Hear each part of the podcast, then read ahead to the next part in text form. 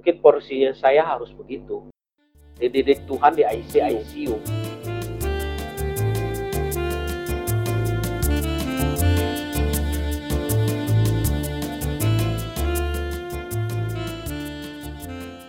satu gereja bagi para pecandu dan para gangster termasuk juga prostitusi.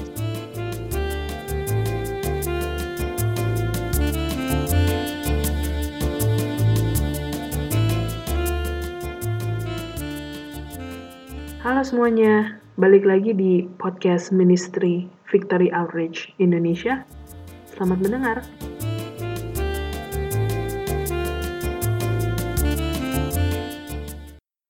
Nah, di episode sebelumnya kan Koko sempat cerita perjalanan hidup seorang kokim ya. Dari seorang kokim yang bisa dibilang kutip pelaku bisnis-bisnis ilegal lalu mulai mencari ketenangan dalam hidup Koko. Dan itu dimulai dari tiba-tiba tidak sadarkan diri. Di situ Koko flashback tentang kehidupan Koko yang sebelumnya. Koko merasakan sangat takut akan yang namanya kematian. Jadi Koko mulai mencari arti Tuhan. Lalu Koko akhirnya menemukan dan Koko experience spiritual journey yang Koko bilang itu tidak gampang menjadi seorang Kristen. Waktu pertama kali Koko sempat ingin menghabisi nyawa orang-orang yang mengancam kehidupan keluarga Koko. Tapi Tuhan punya cerita lain yang bisa dibilang iman Koko terus diuji untuk setia. Terus Koko sempat cerita pernah dua kali koma dalam waktu yang berbeda dengan penyakit yang sangat-sangat serius yang bisa dibilang 0% survival. Nah, itu Koko bisa cerita nggak? Yang pertama kali di tahun 2010, saya itu baru menikah dua bulan. Padahal di saat itu saya sudah melayani Hmm. Tuhan. Hidup udah nggak neko-neko lagi. Satu hal yang saya doa sama Tuhan, saya bilang Tuhan, saya udah nggak minta berkat yang bagaimana. Terserah Tuhan lah. Yang penting saya minta kesehatan, jangan sampai operasi. Lalu saya menikah, tiba-tiba saya sakit dan harus operasi. Sakitnya itu luar biasa, pembuluh darah saya pecah di atas ginjal dan harus segera dioperasi. Dan dalam kasus ini jarang yang bisa hidup dan berhasil. Penderitanya juga jarang. Memang penyakit Hmm. yang menurut kedokteran ini penyakit yang jarang hidup. Tri- namanya triple A, aneurisma abdomen aorta. Terjadilah di operasi. Ternyata saya tidak mengira bahwa saya akan mengalami pengalaman dengan Tuhan. Pengalaman dengan Tuhan itu saya waktu itu nggak tahu bagaimana tiba-tiba ngelihat ada jurang yang dalam banget. Itu dalamnya dalam banget loh. Dan gelapnya itu gelapnya gelap banget di muka bumi saya belum pernah ada ketemu kegelapan itu. Saya suka ke gua-gua itu nggak gelap. Ini gelapnya itu sampai nyesek. Lalu panas sekali ya, sangat panas, sulit untuk dibicarakan. Saya ingat di tengah kepanasan itu merasa hausnya itu minta ampun. Rasanya air itu setetes itu bagaikan madu rasanya. Lalu saya ingat dengan Hmm. firman Tuhan tentang cerita tentang orang kaya, eh, Lazarus ya, orang kaya dan orang miskin. Mengingat bahwa waktu orang kaya itu waktu dia mati, dia di neraka, dia minta air. Celupkanlah itu air tuh di ujung jari untuk apa dahaga. Persis firman itu yang saya rasakan. Sudah seperti itu saya merasa tiba-tiba saya dialihkan pandangan mata saya dilihat ke atas. Ternyata begitu saya lihat ke atas, saya ngeliat udah banyak orang yang ngantri, kecil-kecil orang itu ngantri untuk jatuh ke jurang. Lalu yang saya ingat pertama kali yang saya lihat itu adalah satu orang perempuan. Dia jatuh ke jurang, sambil jatuh ternyata eh, matanya itu dimakamin sama belatung ya. Bilang Tuhan, kenapa orang ini? Ada jawaban ini, yaitu mata keranjang.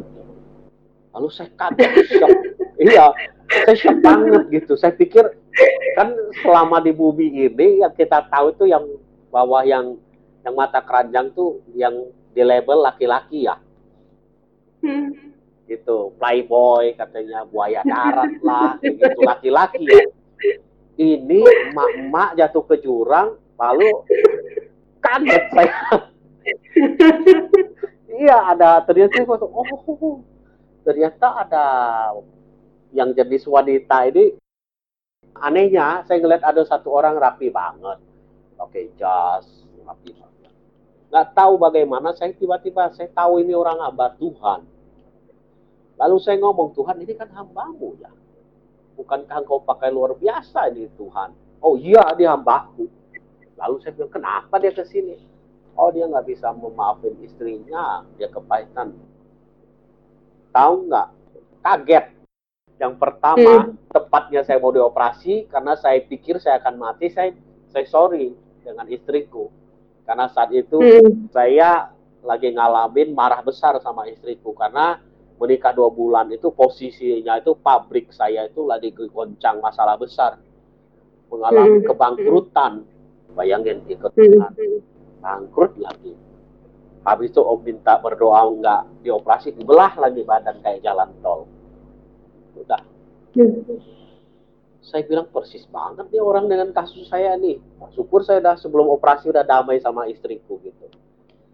Nah dalam hal itu saya sebagai manusia berpikir ini hamba Tuhan kerjaannya melayani Tuhan terus membaca firman Tuhan membawa jiwa-jiwa.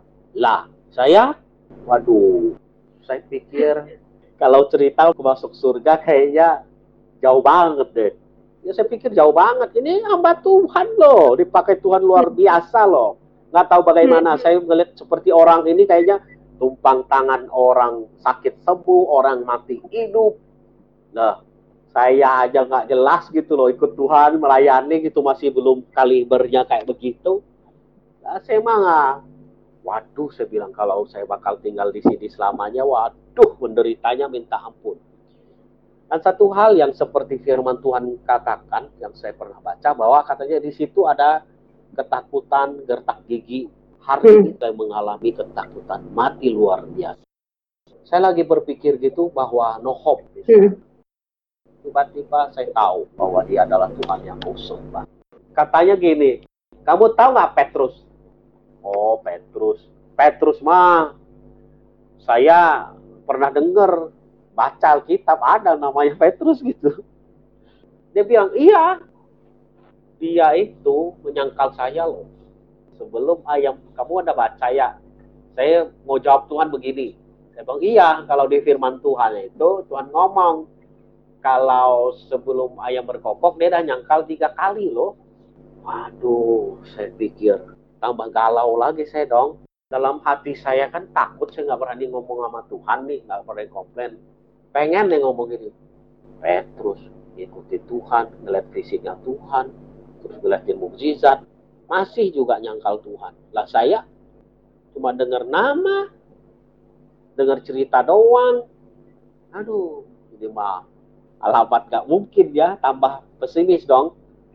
Tuhan memberi jawaban begitu bahwa Petrus yang nyangkal dia apalagi saya dong. Itu saya putus asa loh asli. Wah saya pikir ah hmm. kerangkeng ini. Saya bakal tinggal di sini selamanya nih. Wah saya mengalami ketakutan akhirnya saya tahu Tuhan yang aku sembah ngomong seperti ini. Tapi saya nggak lihat muka ya saya dengar suara aja ya. Kamu tahu nggak hambaku Daud? Sebenarnya Tuhan Daud itu menulis kitab yang paling banyak lah yang saya tahu lalu dia bilang kamu perhatikan oh, Daud selalu menulis kasih setiamu ya Tuhan jangan pernah meninggalkan Nah, kalau kamu mau mengasihi aku dengan benar, kamu harus minta kasih dari Tuhan, dari saya. Dari saya itu penuh di dalam engkau.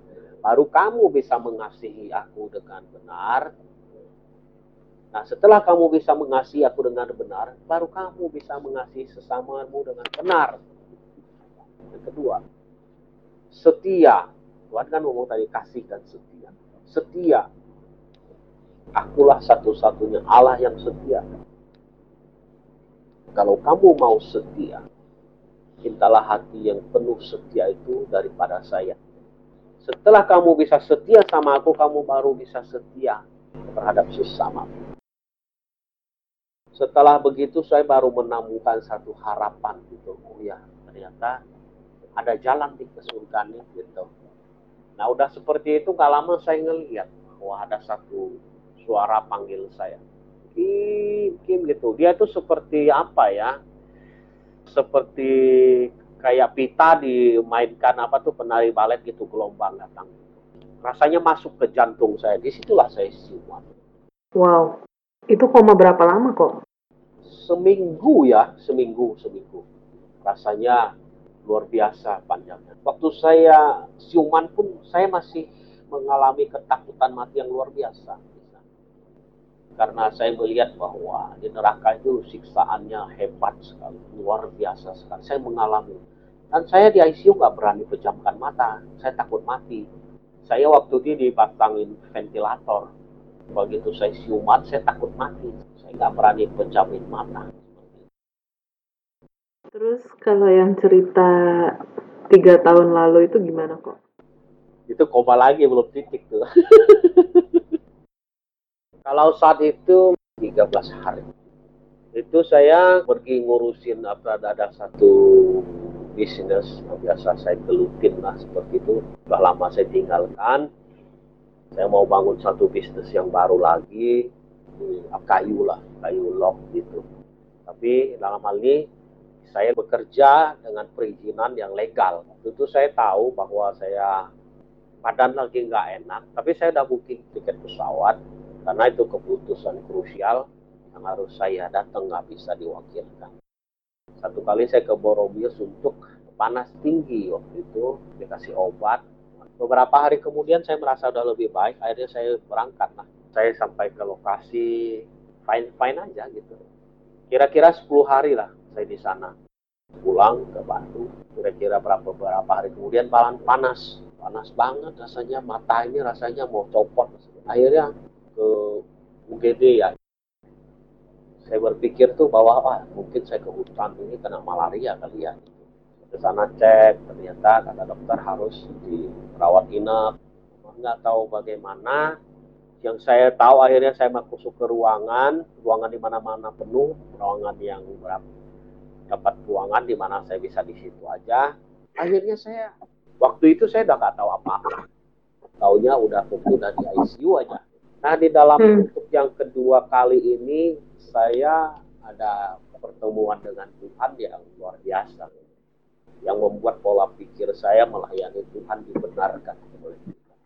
Sebelumnya saya melayani Tuhan itu karena saya takut mati dan saya nggak mau ke neraka tolak ukur saya itu bahwa saya kalau mati saya nggak mau ke neraka. Saya tahu bahwa neraka jahanam itu seperti apa.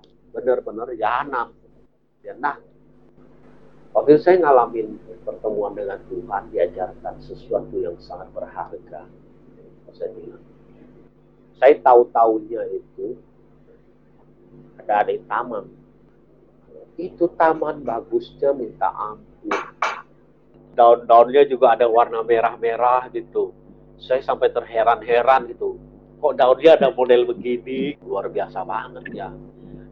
Dan tempat itu damainya nggak bisa diceritain. Pokoknya dalam hati saya bilang, saya mah pokoknya mau di sini ya. Mau dikebukin, mau diseret-seret, pokoknya mah saya pegang mati aja sih badan saya mau dipotong dua, yang kaki dibawa keluar, pokoknya badan saya belum sini. Pokoknya harus ini, aja nggak tahu gimana caranya. Saya lihat, aduh, pokoknya luar biasa. Lalu air itu, wah, seperti kayak ada sungai. Saya lihat air tuh kayak seger banget gitu ya. Saya diingatkan bahwa ini loh kalau rusa yang merindukan airmu seperti ini contohnya Salah satu hal saya juga hobi berburu ya, berburu rusa maksudnya. Saya tahu rusa mencari air, air yang mengalir, air yang bagus. Gitu. Saya tahu di situ tempat minum air rusa, kita rusa minum, kita minum air itu pasti airnya bersih. Nah tapi dalam pandangan ini beda. Saya dikasih satu pengertian bahwa kalau seperti rusa yang merindukan airmu segernya, seperti firman Tuhan lah. Itu firman Tuhan yang menyegarkan jiwamu loh kaki ini membuat engkau selalu rindu loh. Oh, saya baru tahu. Oh iya ya. Itu yang membuat jiwaku selalu rindu kepada firman Tuhan. Tuhan seperti ini gitu. Oke, udah seperti itu saya senang sekali. Saya rasanya betah aja. Tiba-tiba saya dengar ada satu suara bilang balik.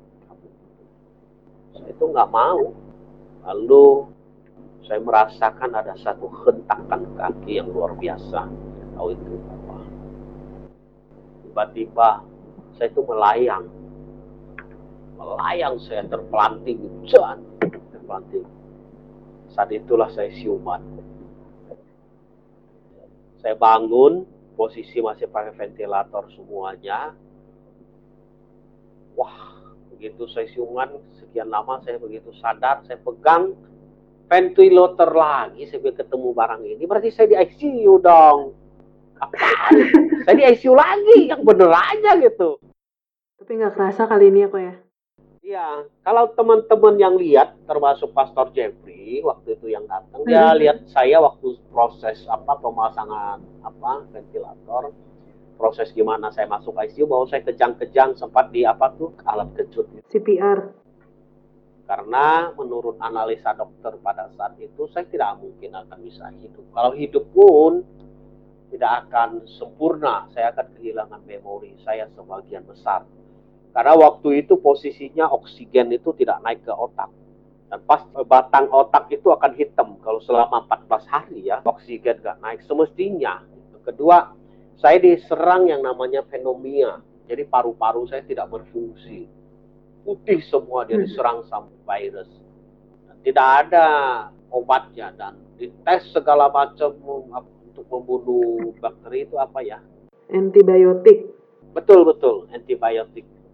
Tadi injek Mhm. antibiotik itu nggak ada yang mempan. Akhirnya dokter itu beberapa kali udah ngomong istriku yang cerita.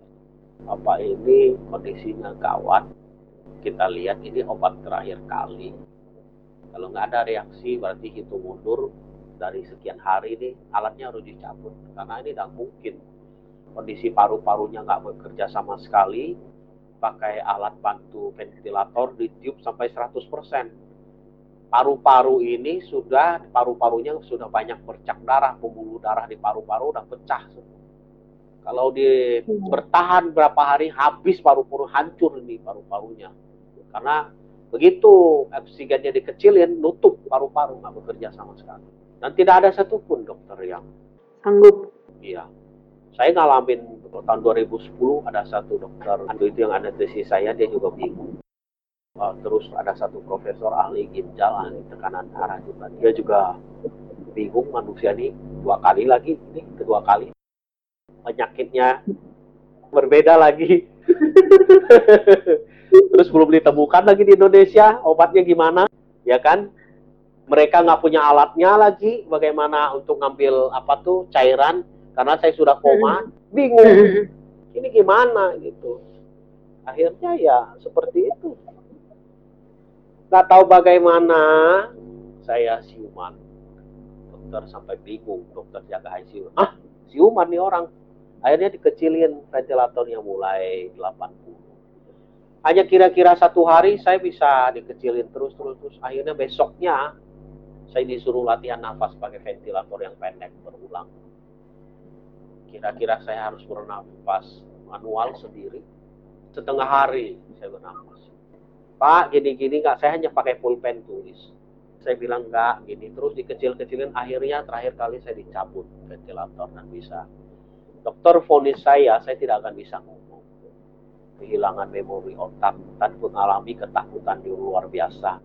Karena dosis obat yang dibius morfin yang dimasukin ke saya terakhir kali itu disuntik dosis sangat tinggi.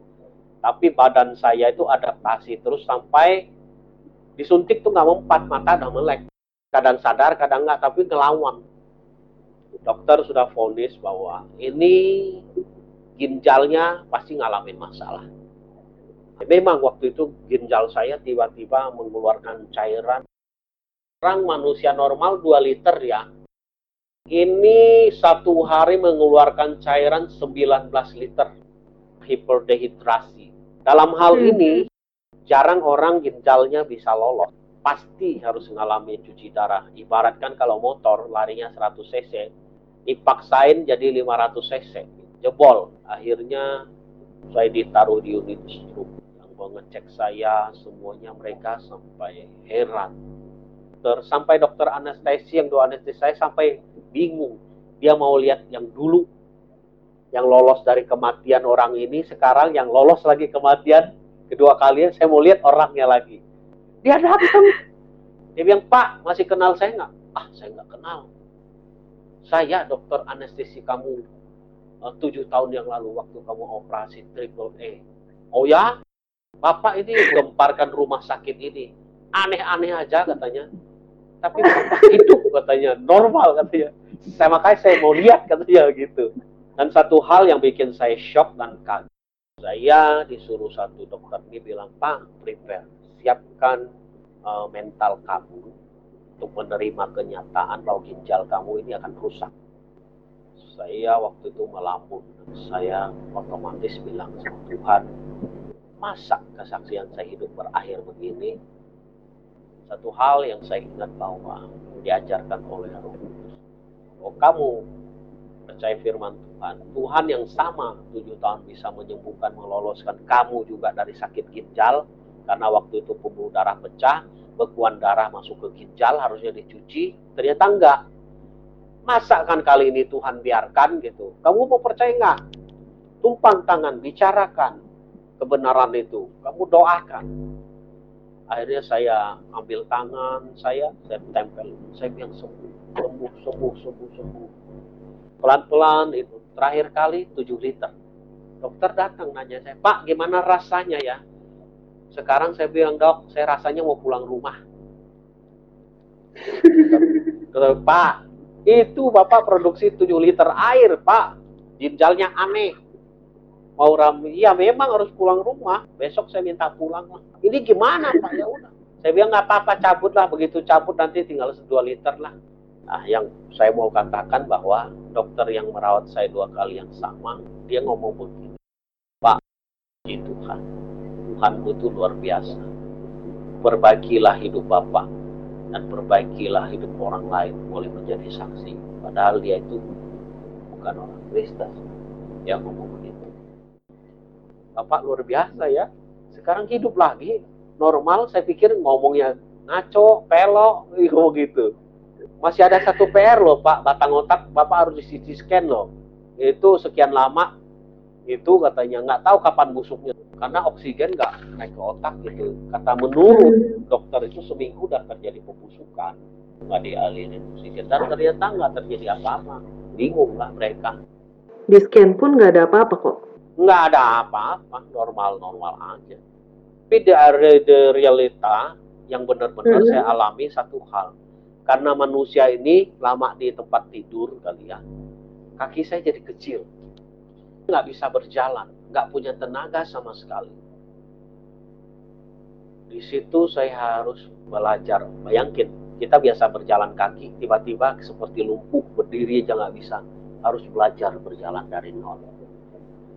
Mm-mm. Itu saya diajar Tuhan banyak hal mengerti bagaimana kodratnya kamu itu sebagai manusia, bagaimana kamu harus bersyukur, harus berterima kasih sama Tuhan, bahwa apa pun yang terjadi dalam hidupmu, yang kau lalui, yang menurut kau itu jahat, ternyata itu adalah Tuhan membawa engkau ke satu hal yang paling baik. Kamu bisa melihat kebaikan Tuhan. Tuhan loloskan dari maut. Bukan itu saja, tapi Tuhan mengajari bagaimana kamu mengenal Tuhan dengan baik dan benar. Oh ya, mungkin saya ada ketinggalan satu cerita. Waktu waktu saya tujuh tahun lalu operasi pertama, saya ingat waktu saya waktu siuman, saya takut mati. Nggak tahu bagaimana, saya tiba-tiba saya emosi marah sekali. Kenapa? Karena saya marahnya begini. Saya bilang Tuhan, saya udah nggak minta duit sama Tuhan, nggak minta kaya lagi. Saya hanya minta kesehatan. Kok saya digini-giniin amat gitu. Akhirnya saya marah. Saya mau cabut semua alat ICU itu. Saya bilang ke neraka, neraka lah biarin. Sepertinya saya ditantang begitu. seperti uh, ada firman Tuhan yang nanyain Petrus yang tempatnya ditanya Tuhan Petrus apa engkau mengasihi aku hal yang seperti itu juga terjadi pada saya waktu saya duduk saya belajar duduk sebenarnya.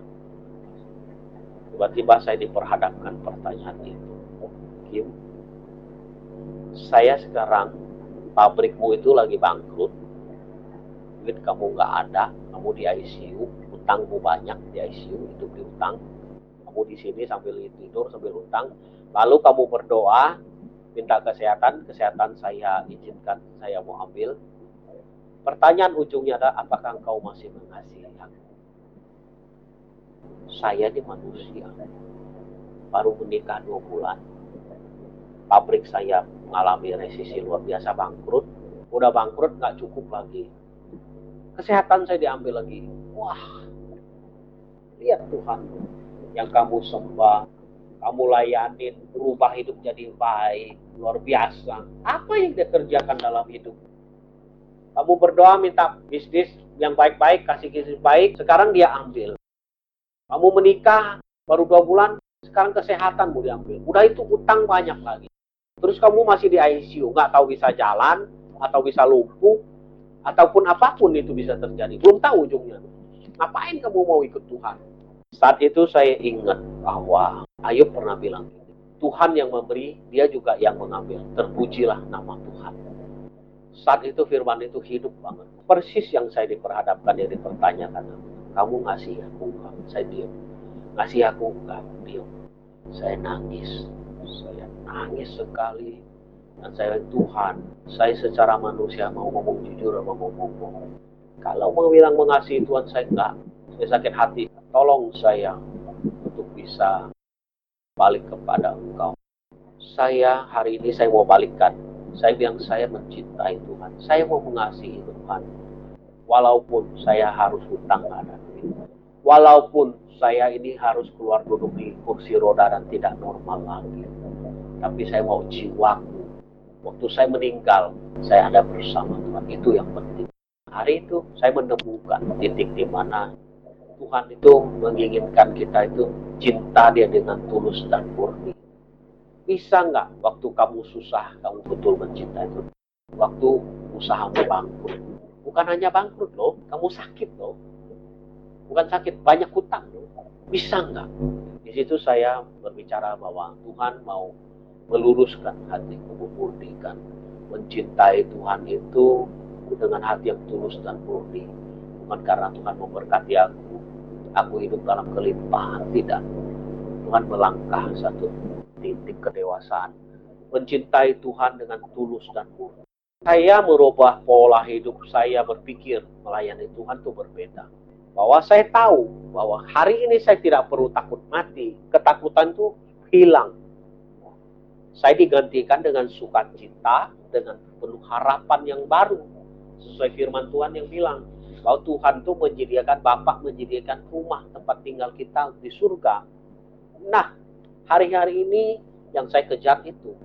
Saya melayani Tuhan, saya nggak mau melayani Tuhan, dan terakhir kali saya tidak tinggal di rumah Bapak yang disediakan. Sia-sialah sudah yang saya kerjakan. Maka hari-hari ini saya melayani Tuhan dengan penuh sukacita.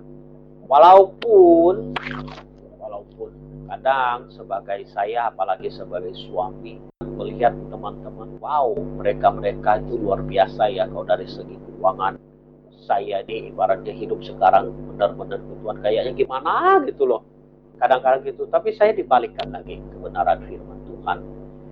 Pengalaman ini mengingatkan saya bahwa itu bukan. Kalau Tuhan one day dia akan memberkati saya dengan luar biasa. Saya hanya ngomong sama Tuhan, Tuhan jangan pernah rohmu meninggalkan aku, firmanmu, kasih setiamu, supaya apa yang Tuhan percayakan, saya ini boleh jadi berkat, bukan malah menjadi celaka.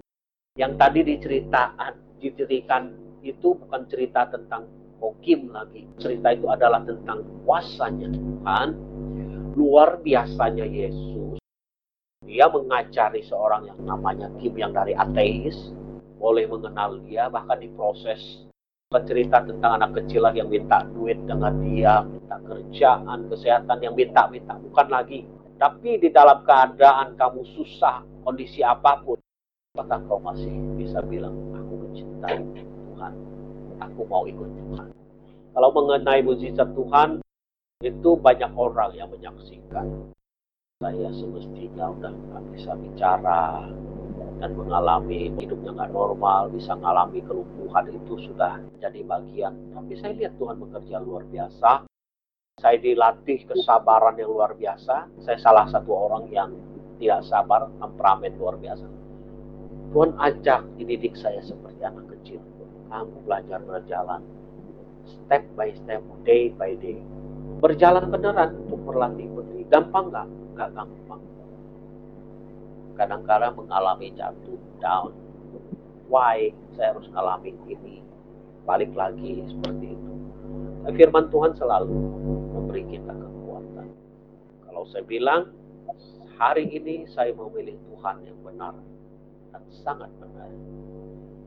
Saya memilih Tuhan yang menolong saya di dalam kondisi apa pun. Mungkin dari cerita histori hidup saya tadi itu orang bilang sengsara amat, Itulah saya hidup memperkaya hidup saya supaya saya itu mengenal Tuhan, mencintai Tuhan dengan tulus dan murni. Orang saya mengalami banyak kesusahan, banyak hal apa pun. Tuhan tak pernah tinggalkan. Today aku ngomong begini. Kenapa? Segala kesusahan yang saya lalui, Tuhan tidak pernah tidak menepati janjinya. Firman Tuhan, firmanku itu murni dan teruji. Yes, 100%. Bukan Tuhan yang janji-janji doang. Kenapa? Saya tidak akan pernah berbicara hal yang tidak pernah saya alami. Jadi the last statement saya mau bilang gini. Dari keseluruhan cerita ini. Kalau secara pribadi saya manusia. Semua karena kekuatan dari Tuhan. Dan Tuhan tuh mengasihi kita semua. Dia tahu membentuk anak-anaknya punya porsinya sendiri. Mungkin porsinya saya harus begitu dididik Tuhan di ICU. Saya bisa kenal Tuhan dengan baik, bisa kenal Tuhan, dimurnikan Tuhan di ICU. Saya nggak bisa ngapa-ngapain, harus begitu Tuhan buat saya. Nggak bisa ngomong, bernafas pun harus pakai mesin. Di situ Tuhan yang ngomong, kamu berhenti ngomong Kim. Saya ngomong, saya ngajar kamu saja. Karena Tuhan tahu anak ini keras. Kalau dia masih hidup, mulut masih ngomong ngeyel. Ya, saya mau katakan sebagai teman-teman semuanya, saya mau kasih tahu. Eh, hey, kalau kau yang di luar sana, kau ngalami masalah apa, nggak tahu mau pergi ke mana, datang sama Yesus. Dia ada jawaban. Dia ada jawaban. Dan dia memberikan hidup yang jauh lebih baik. Harapan dari dia itu selalu ada. Yang pertama. Statement yang kedua saya mau kasih tahu apa. Engkau mengalami hidup yang arah apa Tuhan satu-satunya yang menolong. Dia Tuhan yang luar biasa. Dia yang menolong. Saya orang yang termasuk salah satu orang yang paling bebal dan paling keras kepala. Saya harap teman-teman yang di luar sana mendengar yang mendengar ini jangan mau diproses Tuhan seperti saya. Saya pikir saudara di luar sana itu pasti lebih pintar, lebih bijaksana daripada saya dibanding yang namanya Kim ini kepalanya batu. Tuhan harus proses dia melalui sakit, ICU baru bisa ngajar dia. Pertama kali nggak cukup, kedua kali lagi. Buat saya ini pelajaran yang luar biasa. Saya berharap di luar sana jangan ada jalan tol yang nggak usah saudara lewati seperti saya lewati proses ini. Menderitanya minta ampun untuk membuat saya mengerti. Cukup dengar histori ini dan jangan jalan hidup seperti saya, ikutlah Tuhan dengan segenap hati. Tuhan itu punya rencana.